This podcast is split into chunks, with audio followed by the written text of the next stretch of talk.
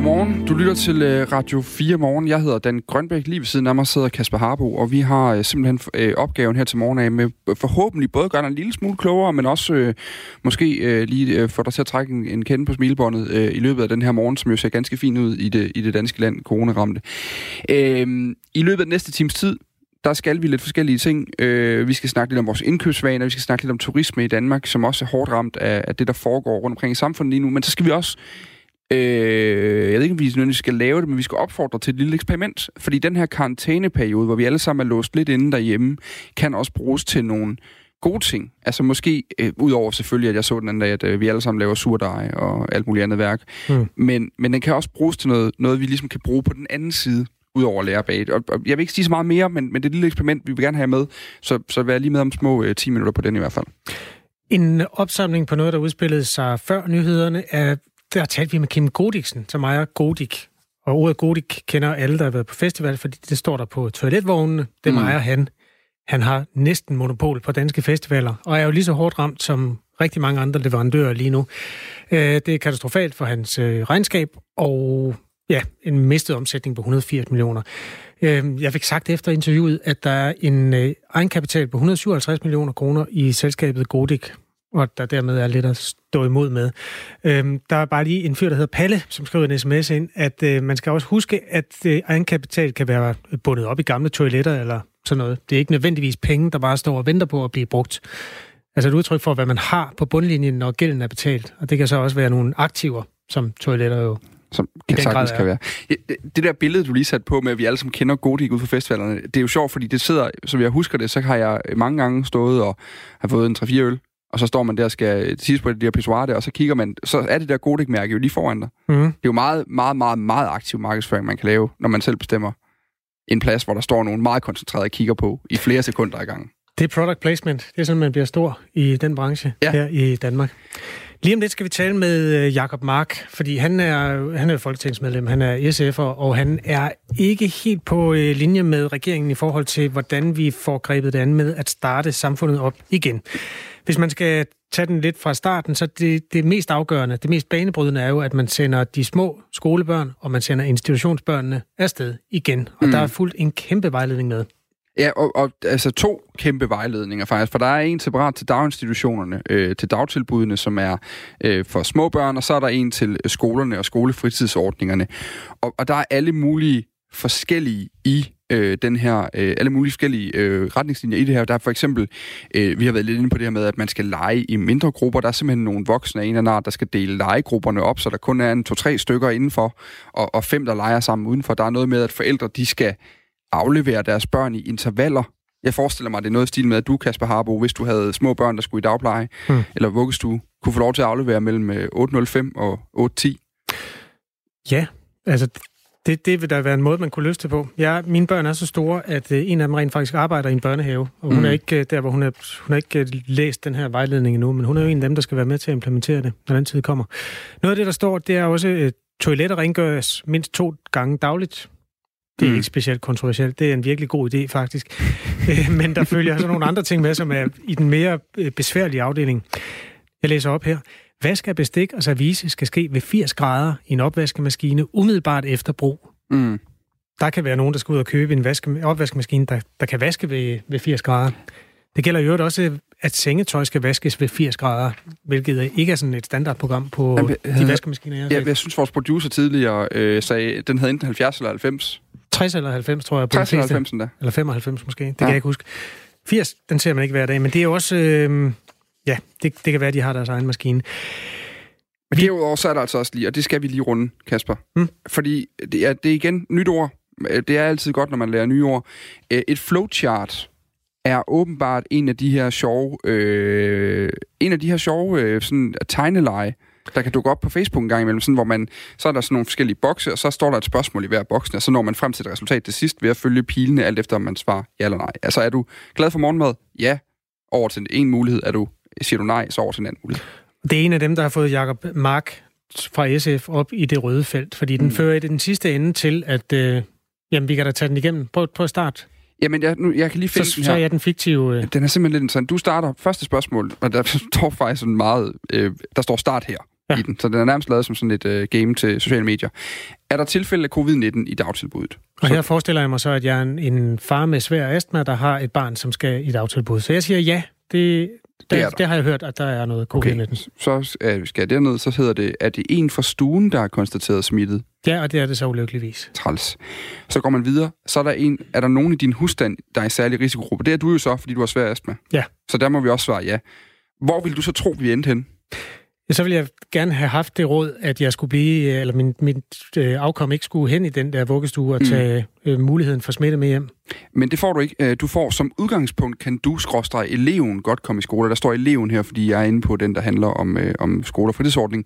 Du, skråstrege forældrene, skal samtidig være særlig opmærksom på symptomer på sygdom. Så du skal være opmærksom, men kan sagtens komme i skole. Prøv at høre, det her det er øh, virkelighed for nogle mennesker, og der kan sagtens være et af de mennesker, for hvem det her det er et kæmpe dilemma, som sidder og hører Radio 4 morgen nu. Vil du ikke nok give lyd til os? Det kan være, at du er forældre, som får noget på spil i den her kabale. Det kan også være, at du er pædagog. Altså, det er jo ikke alle pædagoger, som er øh, lige unge og friske, sagt i den bedste mening. Altså, de bedste pædagoger, jeg har mødt, de har været over 60. Mm. Og så nærmer man sig jo altså den alder, hvor man er mere udsat for for de meget øh, hårde udgaver af coronasmitten. Man skriver ind til det her radioprogram, som du kan være med til at forme. Det, det gør man ved at skrive R4 og et mellemrum og en besked til os, og så sender man den til 1424. Det her... Hvad med Jakob Mark? Jamen det er gerne, vi skal jo tale med Jakob Mark forhåbentlig på et eller andet tidspunkt i dag. Vi skulle lige have snakket med ham her nu, der må være et eller andet øh, bøvl med telefonen måske.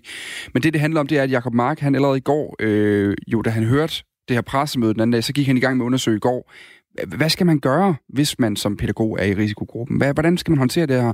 Man skal selvfølgelig ikke på arbejde, var hans udgangspunkt. Det ringede han rundt. Det fik han egentlig svar på. Selvfølgelig skal man ikke det. Så kommer de her vejledninger, vi har talt om, Kasper, de kommer i aftes. Og så kan han se, det skal man faktisk alligevel. Man skal sende sit barn afsted sted alligevel, selvom man kan være i risikogruppen derhjemme. Det er han blevet rigtig vred over. Vi skal høre øh, lidt mere om den vrede, når vi får fat i øh, Jakob her i, i, i løbet af morgenen. På den snak, klokken er blevet øh, 13 minutter over syv. I samtalen om forskellige strategier, som jo er meget dominerende i øh, dagspressen lige nu, det er også det, vi har været ombord i for lidt siden, mm. der bliver der talt meget om Sverige og forskellene mellem Danmark og Sveriges måde at håndtere coronakrisen på. Det skyldes jo, at svenskerne indtil videre har taget en noget mere afslappet tilgang, end resten af Europa har gjort. Skolerne er åbne der. IKEA og forskellige andre butikker er åbne. Folk sidder i de her dage og nyder en kop kaffe eller en øl i forårssolen på en café i de svenske byer. Nu skal vi en tur til Malmø for at høre, hvordan den tilbagelænede svenske tilgang ser ud i praksis. Vores reporter Mads Anneberg, han har forsøgt at lave en reportage, uden at skulle tage til Sverige. Og det har han gjort med hjælp fra en frivillig dansker. Hun hedder Maria Kortenbach, og hun er jurastuderende og bor i Malmø. Hej. Hej Maria, det er Mads fra Radio 4. Hej Mads. Tusind tak, fordi jeg måtte ringe til dig. Selvfølgelig. Maria, alle sidder ligesom i de her dage og tænker på, hvad er det svenskerne har gang i? Altså, i sidste uge, der hørte jeg, at op mod halvdelen af den svenske befolkning ligesom kunne gå hen og, og være coronasmittet ved, ved udgangen af april. Øh, ja. Og, og det, det lyder fuldstændig vanvittigt, og det er jo klart for enhver, at jeg skal ikke nyde noget af at, ligesom at tage til Sverige og lave nogle reportager og sådan noget, så, så vil jeg jo ligesom få corona. Men der er det så heldigt, at du har meldt dig frivilligt til at, at hjælpe mig, fordi du simpelthen allerede ja. bor der. Ja, ja lige præcis. Ja. Og, og du er ung og rask og sådan noget, skal jeg bare lige være sikker på, før vi sender dig ud.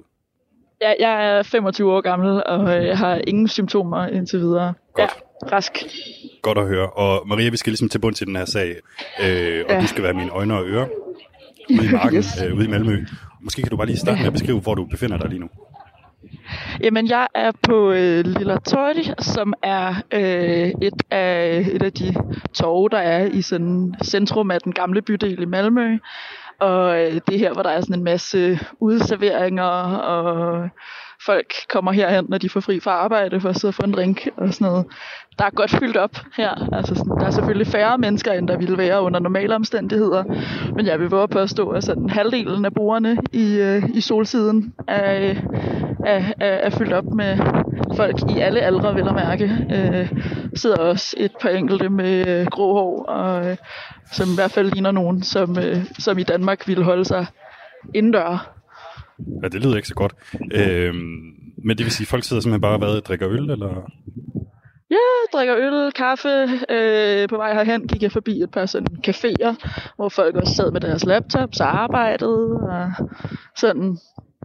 Det, det ser meget, meget almindeligt ud. Og i, Øhm. i forhold til, hvis vi sådan skal beskrive forskellen på, på, på Sverige og Danmark, hvad er det så, der har åbent? Altså, restauranter og, og, og caféer har alt overvejende åbent. Og, altså, nu gik jeg, jeg, jeg her uden for Fitness 24-7, hvor folk stadigvæk går ind og ud, og, øh, og hvor folk står og løfter vægte, og hvad ved jeg. Øhm, så, så sådan noget har stadig åbent, for eksempel.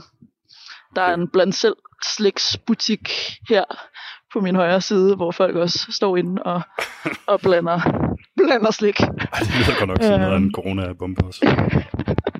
Ja. Ja. Okay, Maria, taler du svensk? Øh, altså sådan, jeg at lære det. Jeg har en svensk kæreste, så det er også derfor, jeg er flyttet herover. Jeg kunne i hvert fald jeg kunne høre på den måde, du sagde uh, Lilla Tort på, at, uh, at det ikke kan gå helt galt. Så uh, hvis du gider at simpelthen se, om du kan finde en, en, en svensker, som, som vi lige kan stille på spørgsmål. Ja. Øh, bum, bum, bum. Skal jeg se, om vi kan finde en, der sidder her på en bænk. Øh.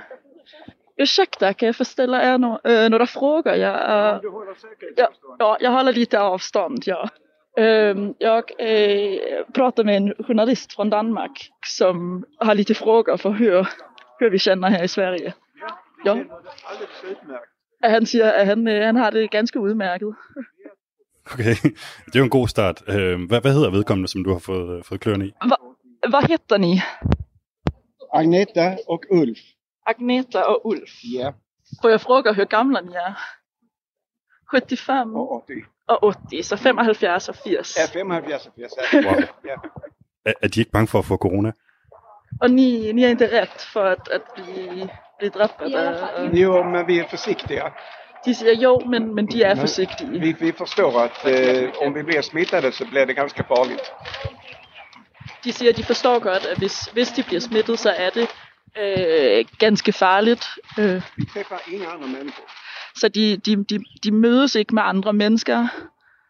Men, øh, men I går fortsat lite ture. Ja, igår så går vi runt alla som vi möter och gör så här. Ja, så de slinger lidt udenom folk, de, øh, de, de støder ind i på gaden, men, øh, men, men, men, men har sat sig her i en bænk i solen på, på gågaden.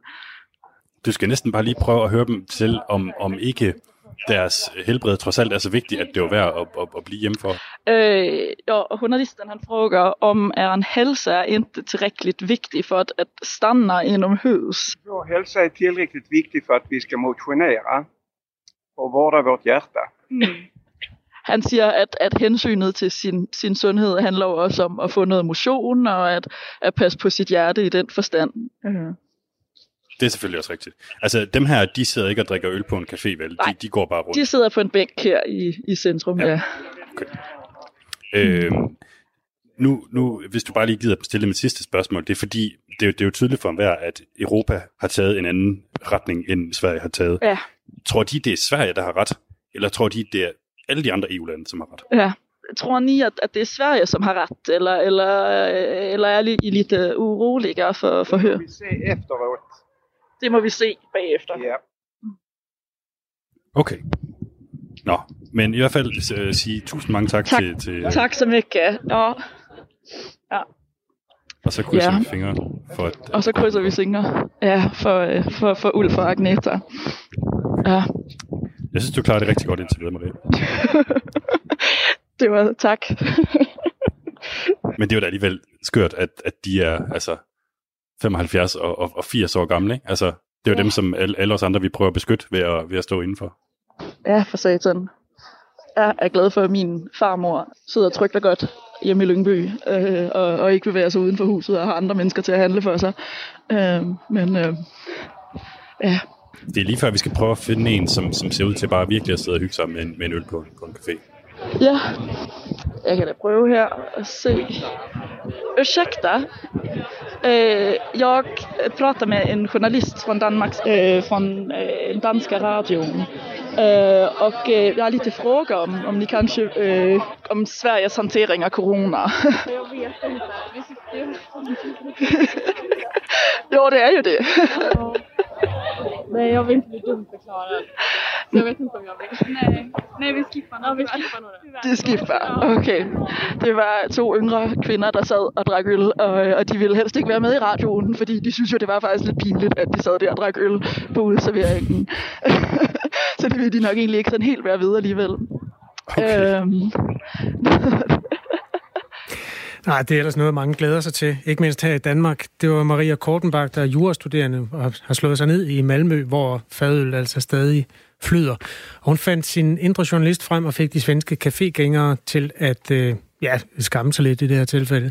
Og så var det vores reporter, der sad på den sikre side af den dansk-svenske øh, grænse og havde en finger med i spillet. Det er de, de her strategier, som jo altså i den sidste ende er afgørende for, hvor mange mennesker, der øh, får sygdommen. Jamen, de er jo... Øh, det, det, står sådan i statistikkerne i øjeblikket, at vi jo her i Danmark har mistet 203 mennesker til corona. I i Sverige har man godt og vel tre gange så mange dødsfald øhm, foranledet af corona. Særlig hårdt ramt er hovedstaden Stockholm, som jo er en, en by med knap en million indbyggere. Alene der i hovedstaden er der næsten dobbelt så mange, altså over små 400 mennesker har mistet livet til corona i øh, den periode, der er gået siden 11. marts, hvor det, det første dødsoffer skete, faktisk både i Danmark og Sverige. Klokken er 7.22. Du hører Radio 4 morgen. Nu skal vi øh, til et lidt af et øh, jamen sådan et eksperiment skråstreg øh, journalistisk stykke arbejde. Øh, jeg i går sad jeg og kiggede på øh, på internettet, som jeg jo en gang imellem gør. Og så var der øh, en der skrev inde på øh, LinkedIn at øh, det kunne jo faktisk være ret praktisk, hvis man øh, brugte den her karantæne lige nu, hvor alle vores børn og unge er hjemme ved os forældre, og altså ikke sammen i daginstitutioner og i skoler, til at få udryddet lus. Hovedlus er nogle små, kløende øh, banditter. Har, har du prøvet at pille lus ud af, øh, af menneskers hår? Nej.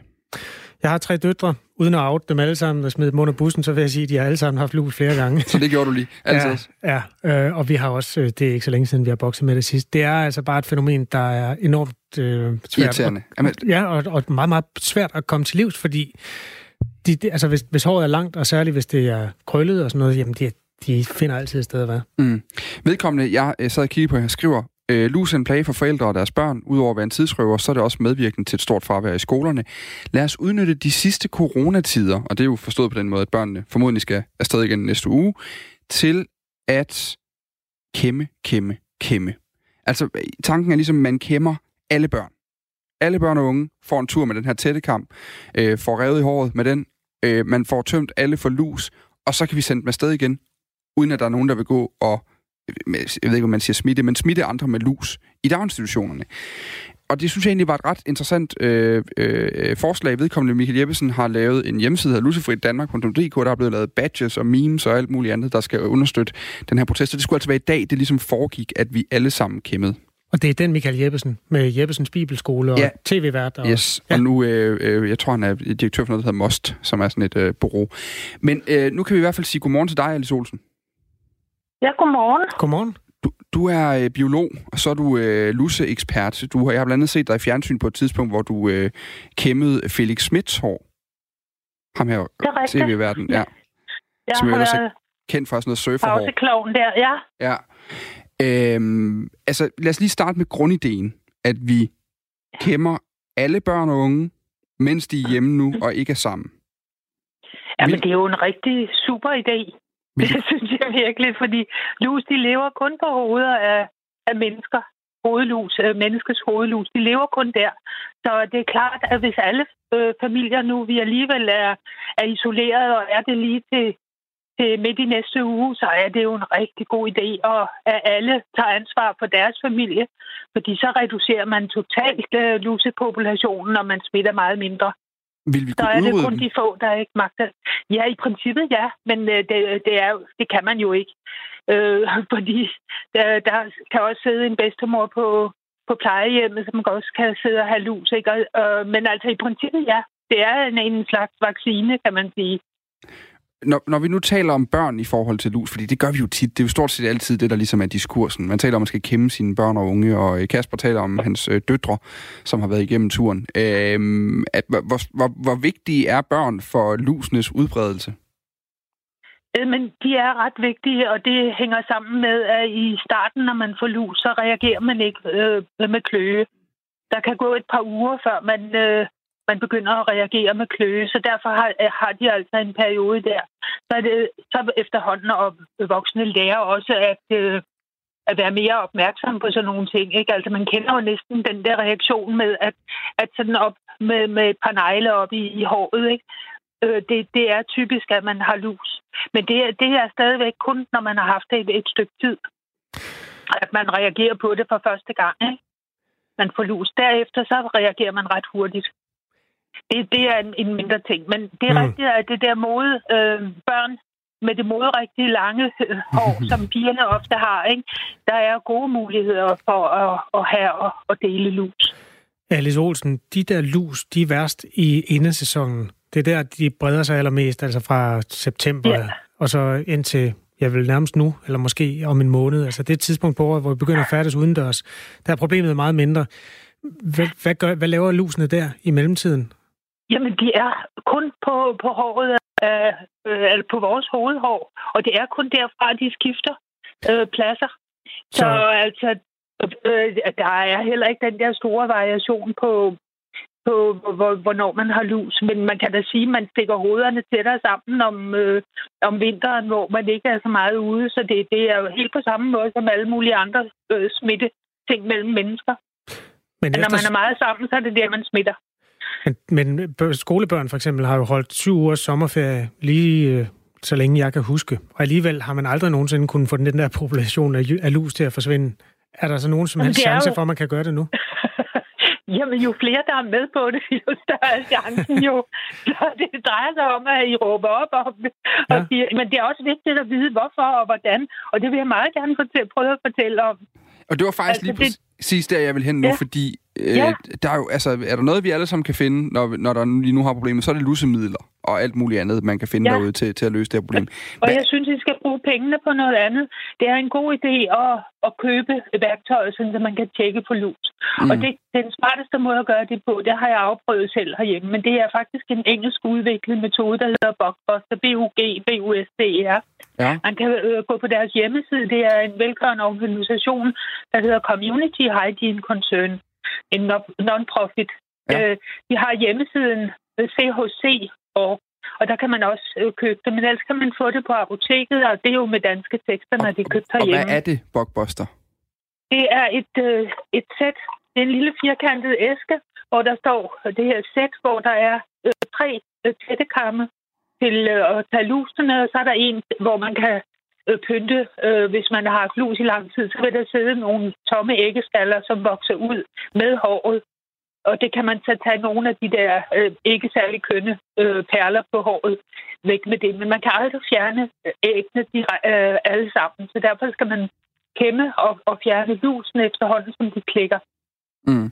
Men skal jeg starte op med at fortælle, øh, hvordan lusene ser ud og sådan noget? De kan jo hverken hoppe eller flyve, de kan kun kravle, og de kravler kun der i, øh, i menneskets hår. Og de lever af blod øh, på, øh, fra hårbunden. Man kan se en lille video fra på min hjemmeside. Jeg har en hjemmeside, der hedder hovedlus.dk eller Store Lusedag. Mm. Mm. Jeg har kørt øh, lusedag afkæmning i 20 år. Ja, du har så kørt den Og der er- 31. januar, har du, øh, har du opfordret til øh, i lang tid. Ja, det er rigtigt. Jeg er 20 år nærmest. I år bliver det 20. år. Ja. Og der er en lille video, hvor man kan se, hvordan den, den sidder og, og suger blod på min arm. Ah, og hvordan okay. den har øh, sine øh, klosakse rundt om et lille hoved, et, et hovedlus. Ja. Nej, et øh, hovedhår. Ved, ved du, Alice, jeg bliver simpelthen nødt til lige at, fordi vi skal simpelthen have nogle nyheder på øh, lige om, om få sekunder, ja. så vi skal bare lige her til ja. Sidst, altså, det gælder om at kæmme, kæmme, kæmme i dag, så Jamen, hvis vi skal derop jeg og køre kom slet helt ikke kort. ind på, hvor- hvor- hvordan man gør. Fordi øh, man skal have øh, lus, de sidder stille, når de er våde. Så derfor skal man vaske håret og komme med- godt med hårbal- hårbalsam i. Ja, Og så skal man øh, først kæmme uler ud, og så skal man kæmme med øh, tættekampen der. Og når man har gjort det, så er der kun æg tilbage. Øh, og der skal man altså sørge for, at øh, æggene de kan klække over 14 dage. Men hvis man kæmmer med de der øh, kamme, der tager det første lusestadium, mm, øh, de, kan, de er ikke mobile og kan ikke komme andre steder hen. Så, Okay. øh, så skal man altså kæmpe hver fjerde dag i øh, to uger. Og okay. har man ikke fået nye lus andre steder fra, har man kæmmet ordentligt, så er man fri på lus på den måde. Men man skal under alle omstændigheder have værktøjet i orden, så, Ja. så man kan tjekke for lus. Ved du hvad, jeg er simpelthen nødt til, vi er simpelthen nødt til at, at, at løbe videre nu, Alice Olsen. Man kan altså som sagt se mere inde på rodelus.dk, og så synes jeg altså, øh, nu, det er jo sådan øh, med, med over fire uger, man skal gøre det her, men man, vi kan godt starte alle sammen i dag. Øh, Det var altså, her hørte vi biolog og lusekspert Alice Olsen lige give os en introduktion til lusen som fænomen og dyr, og så er det ellers i dag, vi lige synes, vi skal udnytte den sidste Formodentlig. Ah, der er lige tirsdag også måske. Der er de heller ikke åbne endnu, de mange daginstitutioner. Men kom i gang i dag. Få kæmpet derude. Og så kan det jo være, at vi sådan en gang for alle ligesom kan sige slut med det. Har du kæmpet dig selv, Dan Grønbæk? Det kunne du jo starte med, dit krøllede apparat. Let den der sixpence og få øh, kæmpet hovedbunden igennem. De sætter sig faktisk også på mænd. Klokken er 7.31. Du lytter til Radio 4 morgen.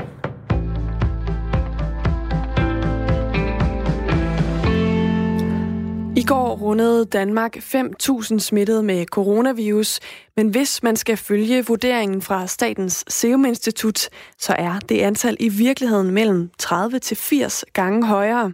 Det fremgår af en ny statusrapport, som Sundhedsstyrelsen har udgivet. Antagelsen her, den sker på baggrund af undersøgelser fra blandt andet Tyskland og Island. I rapporten der står også, at undersøgelser af 1000 bloddonorer, der er tappet i perioden 1. til 3. april i Region Hovedstaden, viser, at 3,5 procent af dem har været smittet med coronavirus. Og hvis man overfører den statistik til befolkningen, så har 65.000 personer muligvis allerede været smittet den 26. marts. Man vurderer altså, at mørketallet er betydeligt højere end i det første planlægningsscenarie, og det vurderes fra Statens Serum Instituts side, at der for hvert påvist smittetilfælde frem til den 28. marts kan være 30-70 ekstra personer, der reelt er smittet. Det står der blandt andet også i rapporten. Kåre Mølbak, der er faglig direktør i Statens Serum Institut, bekræfter til Berlingske, at mørketallene forventes at være i den her størrelsesorden. Med udbruddet af coronavirus er en stor del af sundhedsvæsenets opgaver og behandlinger lagt til side og sat på standby. Over 10.000 patienter har fået aflyst behandlinger og operationer for at gøre plads og frigive personale, der skal behandle personer smittet med coronavirus. Men de danske hospitaler har reserveret mere plads til coronapatienterne, end der indtil videre har været brug for, det skriver Berlingske. Og derfor efterlyser patientorganisationen Danske Patienter og Venstre nu en plan for, hvornår sundhedsvæsenet skal genoptage behandlingen af patienter, der har andre sygdomme end coronavirus. Vi begynder at kunne se, at antallet af coronapatienter topper, og at der alligevel er stadig stadig er ledig kapacitet rundt omkring på sygehusene, og derfor er det vigtigt, at man hurtigt kommer i gang med at sikre, at også ikke livstruede patienter kan komme til igen, det siger direktør i Danske Patienter Morten Frejl. Han peger på, at der er mange patienter, der venter på behandling, som er plaget af smerter eller har andre problemer, der gør, at de ikke kan leve et normalt liv. Hos Venstre kræver man, at regeringen og myndighederne laver en plan for, hvilke patienter, der først skal behandles, når hospitalerne tager fat på ikke-akutte patienter igen. På et pressemøde i mandags, der gav sundhedsminister Magnus Heunicke og statsminister Mette Frederiksen begge udtryk for, at man gerne vil i gang med almindelig aktivitet på sygehusene igen. Den amerikanske Walt Disney-koncern overvejer at tage de besøgendes temperaturer, når deres temaparker åbner. Det fortæller bestyrelsesformand Bob Iger. Ligesom vi lige nu kontrollerer alle tasker, før vores besøgende går ind i parkerne, så kan det være, at vi på et tidspunkt føjer et element til det, og for eksempel tager temperaturen på folk, siger han. Feber kan nemlig være et symptom på, at en person er smittet med coronavirus. Disneys temaparker i USA og resten af verden er lukket som følge af de forbud mod forsamlinger af større grupper af mennesker, som er gældende i rigtig mange lande efterhånden. Bob Iger oplyser, at Disney kigger på Kinas måde at få borgere tilbage til hverdagen på, efter at virusudbruddet i landet er kommet under kontrol. I Kina kan du ikke stige på en bus, et undergrundstog eller et tog og få adgang til et højhus, uden at din temperatur bliver tjekket. Jeg er sikker på, at det også vil være tilfældet, når skolerne åbner igen, og det ser vi på, siger Bob Ejder. Vi tager et kig på det danske vejr her til sidst, som byder på nogen eller en del sol i dag, men i løbet af dagen der kommer der også længere perioder med skyer, især i den sydvestlige del af landet. Temperaturen i dag er i den lune ende mellem 12 og 16 grader.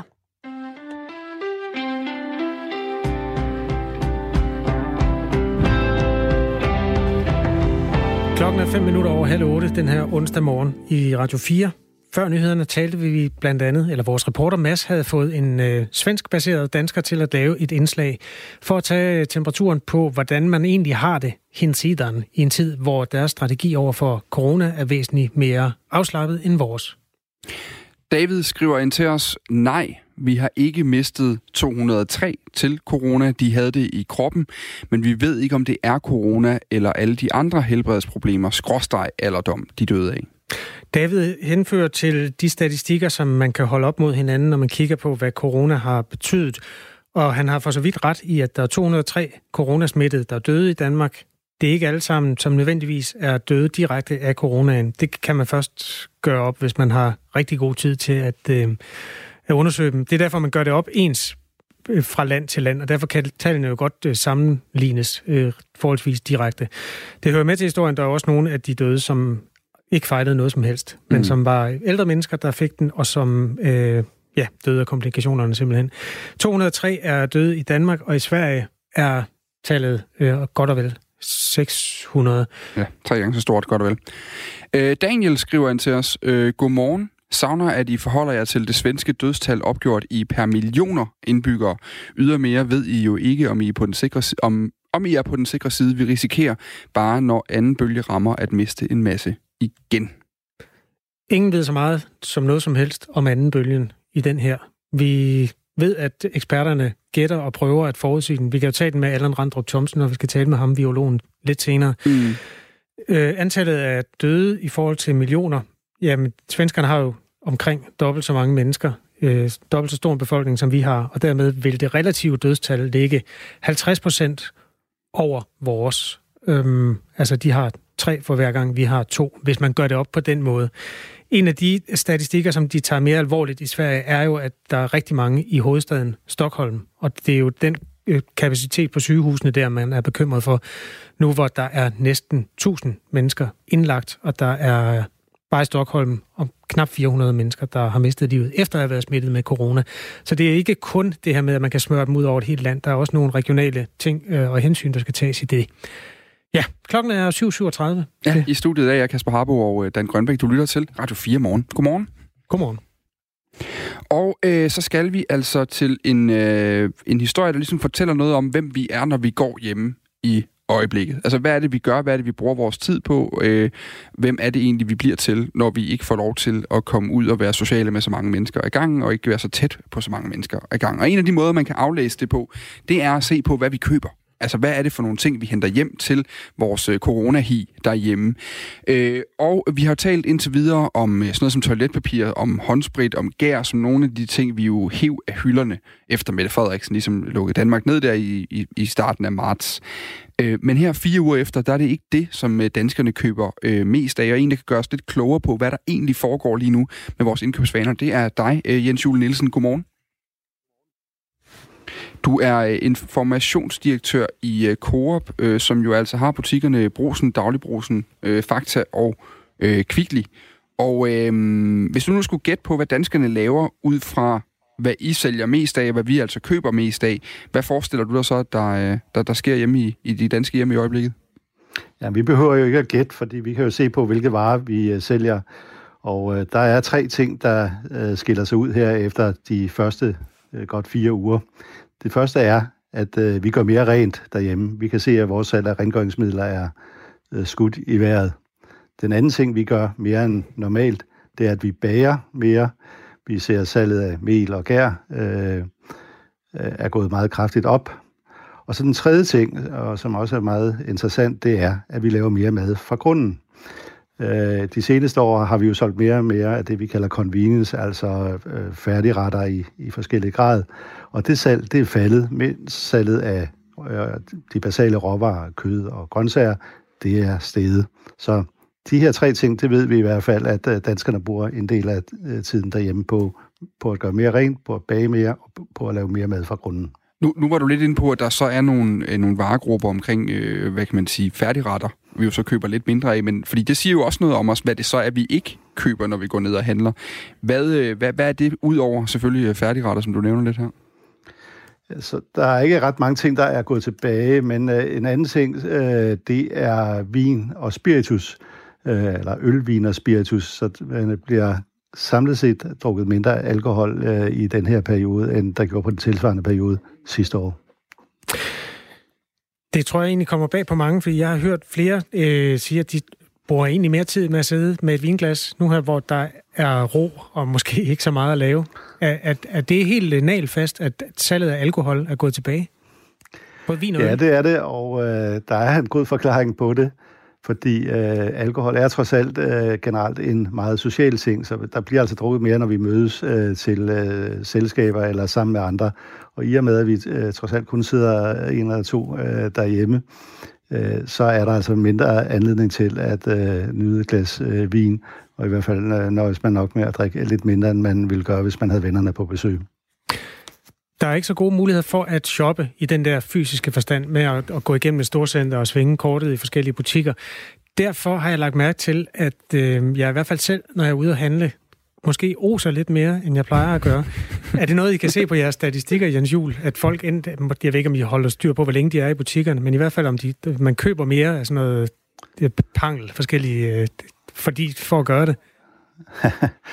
Nej, øh, der er faktisk mindre øh, shoppelyst øh, i den forstand at købe tingeltangel, eller øh, som du siger. Det er mere målrettet indkøb. Vi har markant færre kunder i butikkerne, og de køber generelt øh, mere.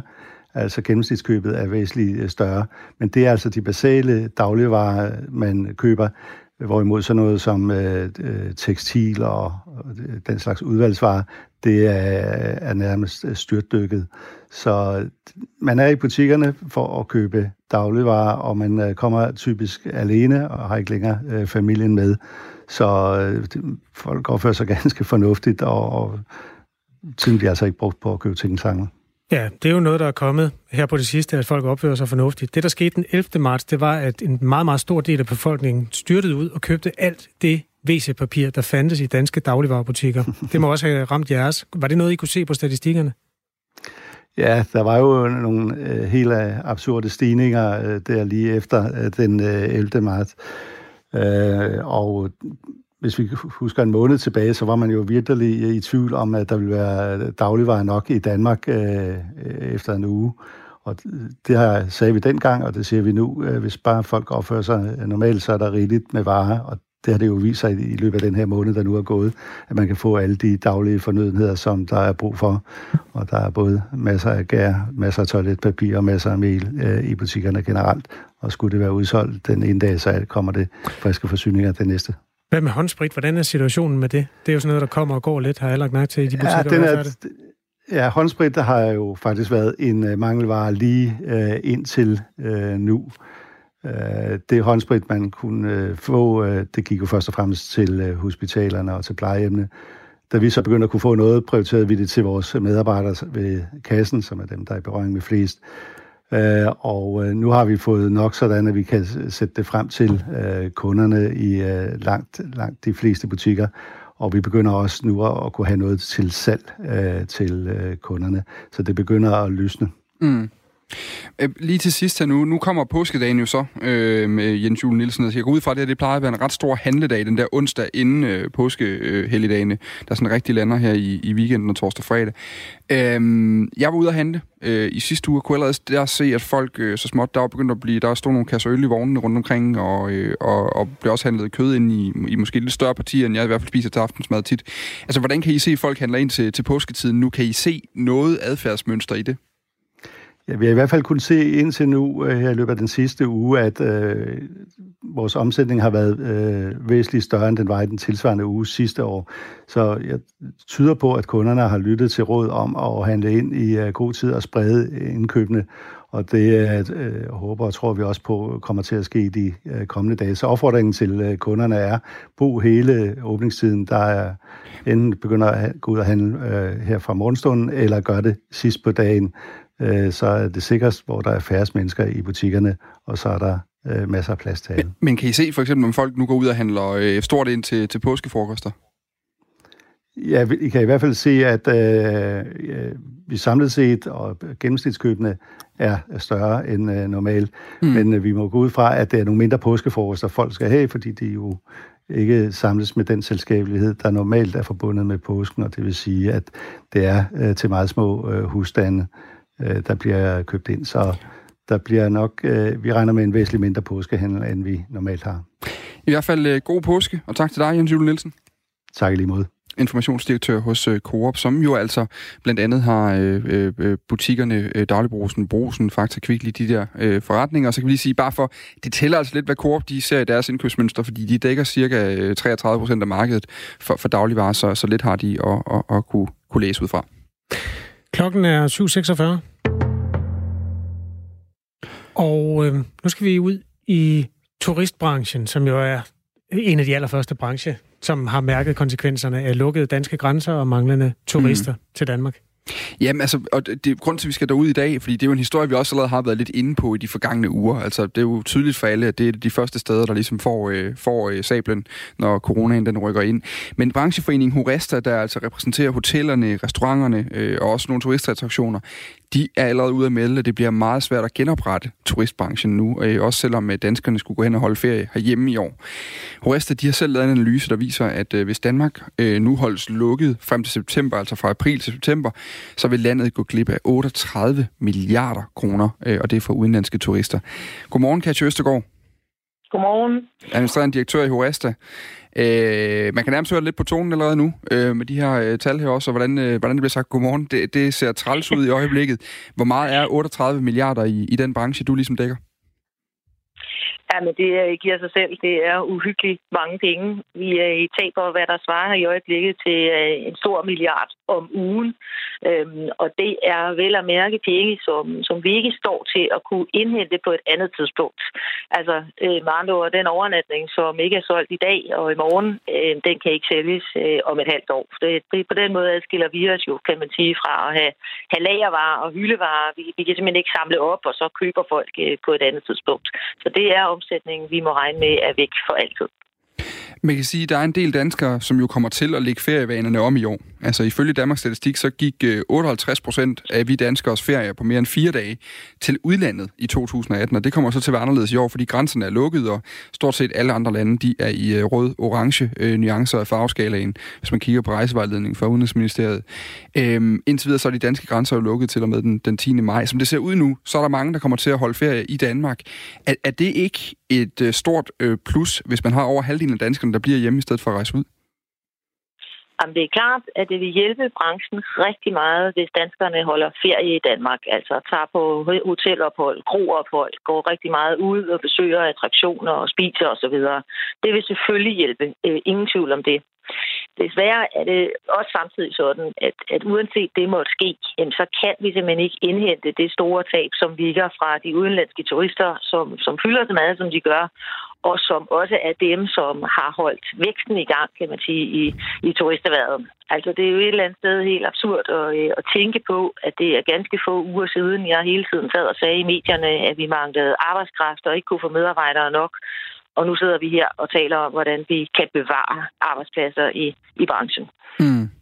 Der er jo lavet nogle hjælpepakker allerede nu, og, og man må også gå ud fra, at øh, feriesteder, de kan jo, de kan, kan, man kan vel lukke noget ned, når der så ikke kommer nogen gæster, og dermed ikke er nogen omsætning. Men, men de her hjælpepakker, der er indtil videre, hvor meget hjælper de ud hos jer? Jamen, selvfølgelig hjælper hjælpepakkerne. Øh, ingen tvivl om det. Øh, lønkompensation på 90 procent, 75 for funktionærer og, og omkostningskompensationen, de hjælper rigtig mange. Hmm. Hjælper de nok? Øh, nej, det gør de ikke. Og ikke mindst, som situationen er blevet nu. Øh, fordi man skal huske, at når man har en branche som min, hvor øh, 17.500 er tvangslukket, og ud af de 1000 hoteller, øh, som ikke er tvangslukket, der er langt over halvdelen nu lukket under alle omstændigheder, for der er simpelthen ikke nogen gæster. Mm. Og dem, der så har åben, øh, de ligger i indeks 10. Øh, så når man har sådan en branche, der så derudover får øh, serveret en forlængelse frem til 10. maj, og ikke mindst du har en meget stor usikkerhed om, jamen, hvad sker der så? Altså bliver det så forlænget igen, og hvad med større forsamlinger, hvordan ser det ud? Så den her ekstreme usikkerhed, der ligger oveni, det gør jo, at når du sidder og skal træffe beslutninger for at tilpasse din virksomhed, så flytter øh, virkeligheden sig ekstremt. Så havde man nu vidst, øh, da man træffede beslutningen første gang, at lukkeperioden den hed 10. maj, jamen, så har man lavet nogle andre dispositioner, end dem man lavede, da man troede, det hed 13. april. Men kan man ikke snakke om, om rettidig omhu der? Der er vel ikke nogen, der på et tidspunkt har sagt, at, øh, at det ser ud til, at det hele åbner op igen i slutningen af april eller i starten af april? Ah, men altså, øh, nu skal vi jo alle sammen lige øh, huske tilbage, da vi fik første melding om, om, om 13. april. Der, der, der var lang tid til på det mm. tidspunkt, og, og et stort chok, at man overhovedet kunne lukke et land ned på den måde. Så, så nej, altså den dag den melding kom, der var ikke nogen, der lige tænkte, om det bliver nok forlænget til 10. maj øh, så havde diskussionerne været anderledes. Og, og med det, jeg siger her, er, at der er brug for en forlængelse af hjælpepakkerne. Det giver næsten sig selv. Mm. Men der er også brug for en stor justering af de pakker, for at de kan fungere ordentligt derude nu. Øh, blandt andet måden, som man kan arbejde på, øh, når man er hjemsendt med kompensation. Altså, det er jo et eller andet sted ulogisk, at virksomhederne betaler 10 procent af lønnen og 25 for alle funktionærerne, men, men medarbejderne må, må ikke lave noget. Altså, det, det giver simpelthen ikke mening, og det er der ikke råd til i, øh, i så lang en periode. Hvad, hvad, hvad skulle de lave man... hjemmefra i forhold til, til jer? Bare lige kort her til sidst, fordi vi har ikke så meget tid tilbage jamen, her nu, Katja Østergaard, så det er bare lige, hvad jamen, er det, du I gerne vil have, de kan kunne lave hjemmefra? Jamen, vi har rigtig mange virksomheder, hvor det vil give mening, at medarbejderne begynder at forberede sig til, når man må åbne på et tidspunkt. Mm. Det kunne øh, helt banalt fra restauranternes side være kokkene, der begynder at forberede en ny menu. Det kan på funktionærsiden være øh, markedsføringsmateriale, man begynder at forberede, og trimning af virksomhederne. En, en række af de ting, som man går og sukker efter, der vil være mere tid til, når der er, er gang i forretningen. Det mm. er der faktisk tid til nu, men, men man må ikke lave noget. Og det er ikke bæredygtigt. I hvert fald uh, tak for uh, indspillet her til morgen, Katja Østegård. Velbekomme. Administrerende direktør i brancheforeningen Horesta, som altså dækker øh, over øh, hoteller og restauranter og også øh, dele af, af turistbranchen. Vi kan lige sige, at i 2018 der var der 16 millioner hotelovernatninger. Øh, hotellerne de er omsat for 15 milliarder kroner, og, øh, og gennemsnitligt øh, så var 44 procent af overnatningerne udenlandske. Det er for Danmarks Statistik. Klokken er 8 minutter i 8 den her onsdag, hvor man i Danmark skal øh, læse, hvis man enten har børn, eller hvis man er ansat i skole, eller fritids, øh, øh, skolefritidsordning, eller børnetilbud eller et eller andet, så skal man læse en ret stor øh, vejledning. Der ligger nogle stykker på nettet. Vi har printet en af dem øh, her til morgen, og også slået ned på nogle af de punkter, som bringer sindene i k, hist og pist. Ingen bringer sindene meget mere i k end øh, punkt 2.4 i den her. Der lyder sådan her. Hvis en i husstanden er påvist med covid-19, det anbefales, at personer med påvist covid-19 i så høj grad som muligt isolerer sig, sådan og sådan og sådan, sådan. Hvis man bor i husstand med en person med påvist covid-19, må man gerne komme i dagtilbud eller på arbejde. Og så opfordres der så til nogle forbehold i forhold til det her. Men det er noget af det, der jo er med til at bringe smitten ud i samfundet alligevel. Øh, I aftes, der skrev Jakob Mark, som er gruppeformand for SF, på sin Facebook-profil, jeg er godt nok vred over det her. Citat slut. Godmorgen, Jakob Mark. Godmorgen. Hvorfor er du vred? Hallo? Hallo, Jakob Mark. Ja. Kan du høre mig? Der er lige lidt forsinkelse på. Jeg tror, vi skal være gode ved hinanden. Ja, det okay. Det vi gør nu, det er, at øh, vi simpelthen ringer Jakob Mark op på den telefon, fordi den der, den er, da de kommer til at, at dreje ledningen den forkerte vej rundt om jordkloden. Så der er simpelthen virkelig, virkelig langt om til Jakob Mark lige i øjeblikket. Vi tager ham på en god gammeldags analog eller mobiltelefonforbindelse, og så kan vi tale om det her. Og vi vil også gerne lige tale med jer om det samtidig, fordi de her anbefalinger selvfølgelig øh, dækker det over dem, der er ansat ude på, øh, på de her institutioner, som skal åbne op igen i næste uge. Men det er jo også alle os, som er forældre, som er øh, på en eller anden måde pårørende til folk, der skal på arbejde i daginstitutioner, i skoler og, øh, og i fritidsordninger, hvad det ellers kan være. Skriv ind til os, nummeret er 1424. Øh, vi vil rigtig gerne egentlig høre vi kunne sagtens sidde her og lige rise op, hvad det hele handler om, men prøv at det har været i nyhederne, øh, siden Mette Frederiksen sagde det her i forgårs. Hvad, hvad, hvad tænker I om, at vi skal åbne op, og at vi starter med at åbne op øh, i, i øh, de institutioner, der har med børnene at gøre, og, øh, og at det altså ikke nødvendigvis er, øh, er strammet ind til, at man skal blive hjemme, bare fordi der er en øh, covid-19 smittet i, i hjemmet? 28.000, godt og vel, har meldt sig ind i en Facebook-gruppe, der hedder Mit barn skal ikke være forsøgskanin for covid-19. Og bare titlen der fortæller jo i hvert fald, hvad de tænker omkring det. Nu har vi Jakob Mark med på en telefon, gruppeformand for SF. Godmorgen, Jakob Mark. Godmorgen. Jeg er godt nok vred over det her, skrev du på Facebook i går. Hvorfor er du vred? Mm. Det er jo, fordi jeg er bekymret for både øh, Øh, børnene, men også øh, de ansatte.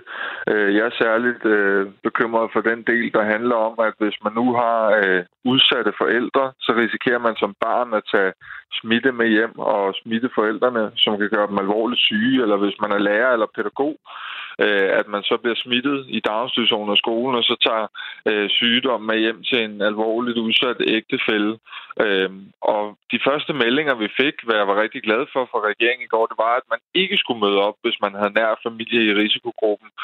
Og det ændrer sig simpelthen i løbet af dagen, øh, og det synes vi er meget bekymrende, fordi vi mener, at sundhed i det her tilfælde kommer før økonomi, og at man sagtens kunne åbne op i flere tempi, hvor man mm. ikke starter med de her mennesker, som er i udsatte grupper. Nu fik du nævnt både børn og voksne og alt muligt øh, her. Skal vi ikke lige skille det ad? Altså børn er vel dem, der er mindst udsatte for, for corona. Hvor meget betyder de i forhold til din vrede? Jamen, børn er mindre udsat, det er rigtigt, men de kan jo stadig tage smitte med hjem, hvis de har nogle forældre, der har hjertepatienter eller som har kol. Yes, men ved du hvad, så, så, så holder vi bare lige børnene ude i første omgang, fordi så er det, så er det forældrene, vi skal tale om, og så er der også nogle, øh, nogle ansatte. Øh, bare lige for at skille det ad, Jacob Mark, så vi er sådan helt enige om, hvad vi snakker om. Har du spurgt ja. Øh, regeringen til de anbefalinger her, som du er inde på? Øh, ja, det har jeg, og øh, det var det første, jeg gjorde i går morges, og øh, jeg skiller det gerne ad, men jeg er sådan set bare optaget af, at det ikke skal være sådan, at man kan risikere at tage smitte med hjem til mennesker, der er i risikogruppen. Og det spurgte jeg om i går morges, hvor svaret både til mig og de andre ordfører var, at nej, de her, de skulle altså ikke møde. Øh, og det får jeg bekræftet i løbet af dagen, og da sundhedsmyndighedernes anbefalinger så kommer, så viser det sig, at det skal man alligevel. Og det øh, prøver vi så at få svar på, hvorfor hænger det sådan sammen, og det har vi ikke kunne få endnu. Lad os lige læse op, hvad der står helt præcist. Bor man i husstand med en person, der er i særlig risiko, kan man som udgangspunkt godt komme på arbejde eller i skole. Det vurderes i det enkelte tilfælde, om et barn, der selv er i særlig risiko, for eksempel på grund af kronisk sygdom, kan møde op i sin daginstitution. Som det ser ud lige nu, lukker Danmark op om præcis en uge. Hvad bliver det med din stemme, hvis de her anbefalinger står, som de gør nu? Vi accepterer sådan set, at, øh, at sundhedsmyndighederne har sagt, at nu vi skal begynde at åbne op, og vi skal starte øh, med de små. Øh, men det er klart, at øh, Øhm, at vi kommer til at forsøge at få ændret på det her, og vi kommer til at forsøge at forklare over, hvorfor har man pludselig ændret i beslutningen. Øh, regeringen har meldt meget klart, at det er den, der, der har besluttet, at nu skal vi genåbne på den her måde på baggrund af sundhedsmyndighedernes anbefalinger. Men jeg forstår ikke, hvorfor der pludselig er ændret i beslutningsgrundlaget. Og vi mener ikke, at vi har så travlt med at få åbnet daginstitutionerne og indskolingen, at, at man skal risikere dem, der er i de udsatte grupper. Så det vil vi forsøge at få ændret på. Men det er ikke sådan, at vi skal stemme om det på noget tidspunkt. Men Jacob Mark, øh, bare lige for at byde normalt så står vi jo øh, på, øh, på øh, modsatte sider, kan man sige, at det er os, der skal tjekke dig og dine kolleger ind i Folketinget efter. Men her der har vi faktisk også forsøgt at få fat i Magnus Heunicke, som er sundhedsminister, fordi vi vil egentlig også gerne have nogle, øh, nogle begrundelser for det her. Øh, mm. Vi har også forsøgt at få fat på Sundhedsstyrelsen. De havde ikke, de ikke vendt tilbage på vores henvendelser, om, og, og Heunicke kunne desværre ikke være med her i morgenprogrammet.